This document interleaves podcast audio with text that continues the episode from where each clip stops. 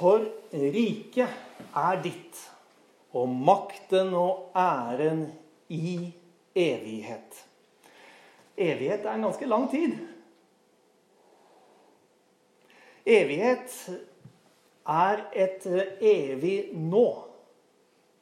Det er øyeblikket som ikke tar slutt. Det har ingen fortid, og det har ingen fremtid, for det er utenfor tid. Og sønnen min, han har et kraftuttrykk. Når noe enten går eh, Når noe enten er skikkelig godt eller virkelig ille. Og da sier han 'Det var evig godt'. Eller 'Det er evig vondt'. Hva ligger det i dette uttrykket? Evig. Det blir noe som beskriver et en sterk øyeblikkserfaring. Hvor alt annet blir borte. Du er i øyeblikket. Her og nå.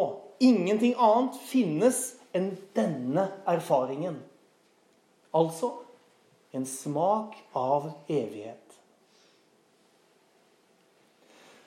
Første gang Gud åpenbarte sitt navn, det, for, det var for Moses i den brennende tornebusken. Du vet den som brant, men ikke brant opp. Ut fra den så fortalte Gud sitt navn.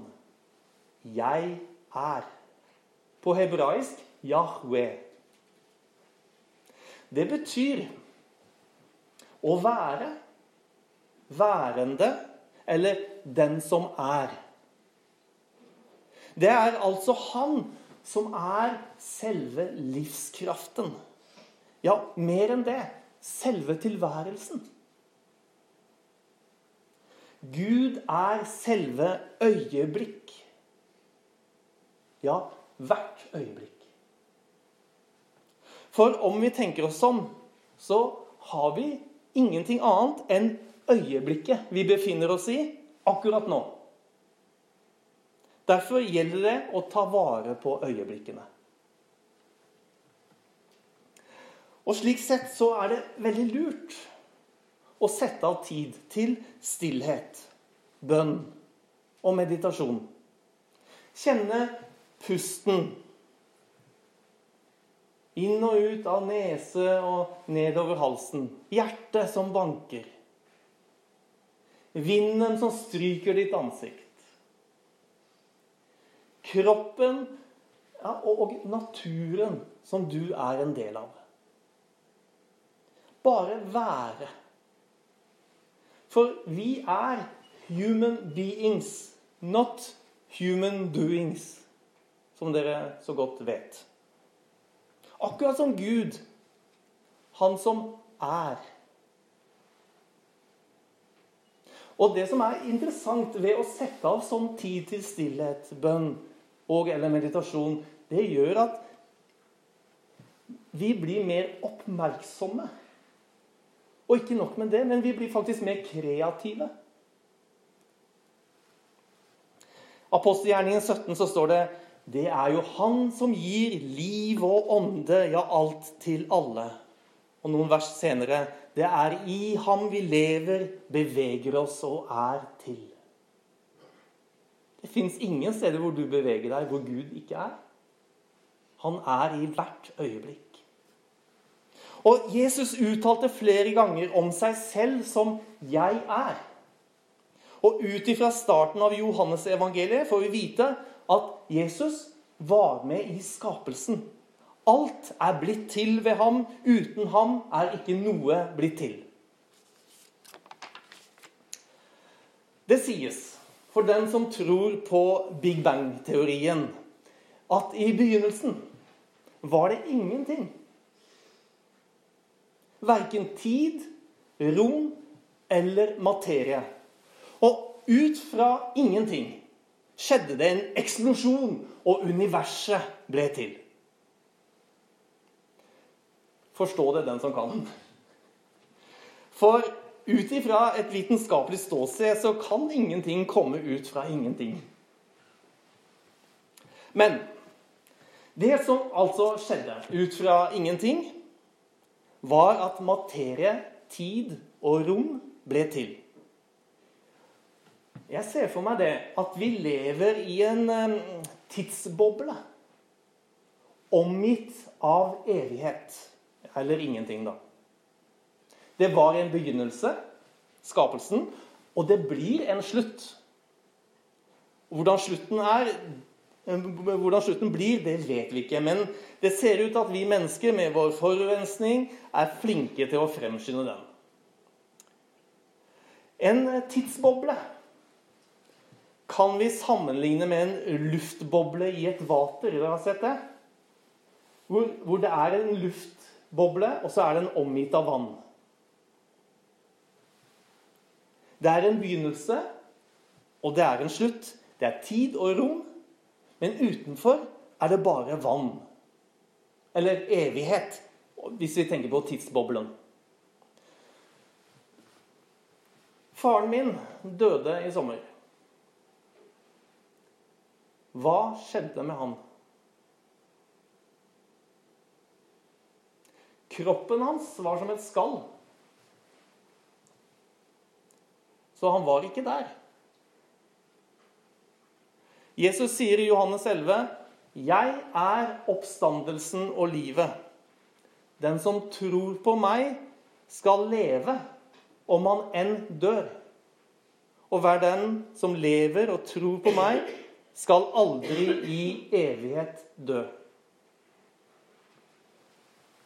Faren min lever, om han enn er død. I evighet skal vi aldri dø. Sammen med Jesus så er han nå utenfor tid og rom. Altså utenfor tidsboblen i evigheten sammen med Han som er. Og Derfor så blir spørsmålet om evighet veldig relevant for alle mennesker. For det er det én ting som er sikkert. Det er at vi alle skal dø.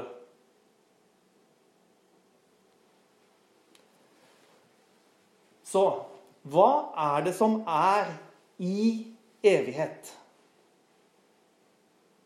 Riket er ditt, og makten og æren i evighet, står det i Herrens bønn.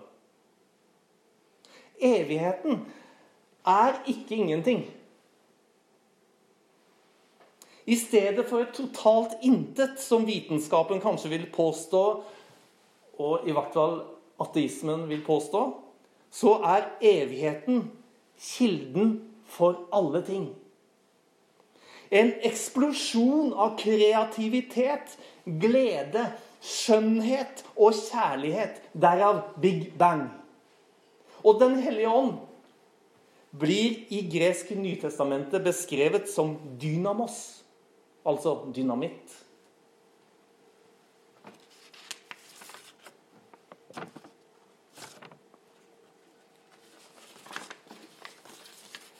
Så i stedet for et totalt svart intethet er evigheten kreativitet og liv. For det er Guds rike. Guds makt og Guds ære vi da får del i. Som omgir oss utenfor denne tidsboblen.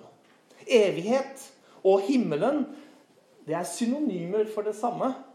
Vi blir frelst for evigheten og skal til himmelen, sier vi. Altså evigheten med Jesus. Noen påstår at det høres veldig kjedelig ut.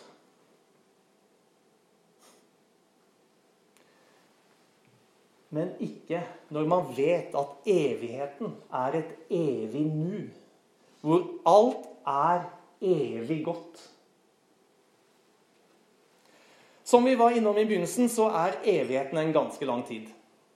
Det vil si, det er ikke tid, men evighet, altså utenfor tiden. I den sammenhengen så blir livet vårt ganske lite. er det derfor de bibelske skrifter omtaler lidelse og fristelser som noe vi ikke skal bøye oss for og gi oss over til. For det er bare en kort tid til sammenligning med evigheten. I Hebreerne 11 så står det I tro nektet Moses da han ble stor, å kalle sønn av faraos datter. Han ville heller lide vondt sammen med Guds folk enn å nyte synden en kort tid. Han holdt Kristi vanære for en større rikdom enn skattene i Egypt, for han så fram til lønnen. Moses han ble adoptert inn i verdens rikeste og mektigste familie og kunne gjøre nøyaktig hva han selv ville. I stedet så valgte han heller å lide vondt med Guds folk enn å nyte synden en kort tid. Ja, for livet er kort. Og fristelsene vi står overfor, kan virke uendelige. Men i et evighetsperspektiv så er de bare en kort tid. Det er verdt å si nei til synden om vi har en evighet å vinne. Det fins faktisk vitnesbyrd i Nytestamentet på at man kan miste Guds rike, altså evigheten, gjennom de valg vi tar. Og dette her er viktig. Dette her er seriøst. For hvis det Paulus her sier, er sant, så er det noe å gå dypere inn i og faktisk leve sitt liv etter. 1. Korinter 6 så står det Vet dere ikke at de som gjør urett, ikke skal arve Guds rike? La dere ikke føre vill, verken de som driver hor, de som dyrker avguder, eller de som bryter ekteskapet, verken menn som ligger med menn, eller som lar seg ligge med, verken tyver, grådige, drukkenboltere, spottere eller ransmenn skal arve Guds rike. Men hvis vi leser videre i hebreerbrevet, så står det om hvordan vi skal forholde oss til livets mange vanskeligheter og fristelser. Hebreerne 12. Derfor, når vi har en så stor en sky av vitner omkring oss, så la oss legge av alt som tynger, og synden som så lett fanger oss inn. Og med utholdenhet fullføre det løpet som ligger foran oss. Med blikket festet på ham som er troens opphavsmann og fullender Jesus. For å få den glede han hadde i vente, holdt han ut på korset uten å bry seg om skammen. Og nå har han satt seg på høyre side av Guds trone. Selv Jesus utholdt lidelse og gikk gjennom fristelser. Og det må ha vært en opplevelse av evig vondt å bli torturert, forlatt av sin far og dø korsdøden. Men han holdt ut på grunn av gleden han hadde i vente. Så derfor, når vi har det vondt, når vi opplever mange fristelser, så la oss feste blikket på Jesus. Han holdt ut verre ting enn det vi gjør. Og nå har han satt seg på høyre side av Guds trone.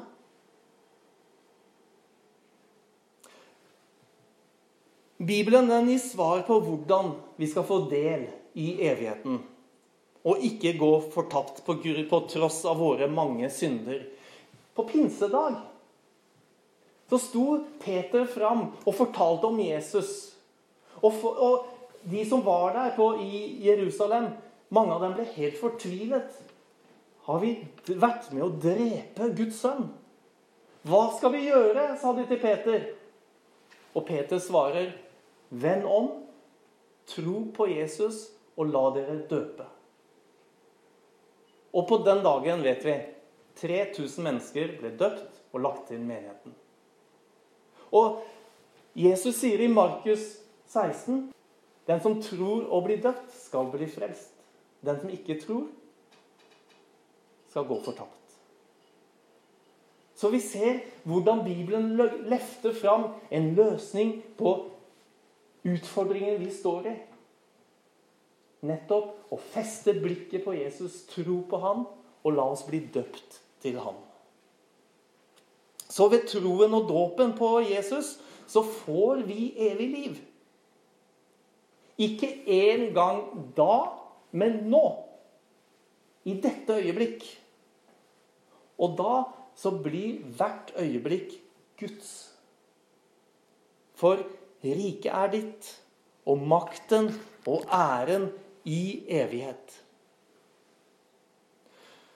Når det er slik, sier det seg selv at livet skal leves som om Gud finnes. For makten er hans. Og vi skal ikke leve livene våre bare for oss selv og etter vårt behag, men til ære for Jesus. Se for deg at du er i denne tidsboblen vi har snakket om. Og din tid snart er omme. Du står altså på kanten mellom tid og evighet. For den som tror på Jesus, er dette totalt trygt og noe vi ser fram til. For hvem vil vel ikke glede seg til noe som er evig godt? Men for den som ikke tror, derimot, så blir det å stå på kanten en opplevelse av fortapthet. For hvem vet hva nå som skal skje? Og ut ifra et vitenskapelig eller ateistisk livssyn er det kun et evig mørke. Det er virkelig å gå fortapt. Det må være en evig vond opplevelse. Og det er dette mørket Jesus er kommet for å redde oss ut av. Johannes 1, 9 så står det 'det sanne lys' som lyser for hvert menneske, kom nå til verden. Han var i verden, og verden er blitt til ved ham. Ved tro og dåp tar vi imot gaven evig liv. For riket er ditt, og makten og æren i evighet. Og det starter nå, i dette øyeblikk, og hvert øyeblikk som kommer.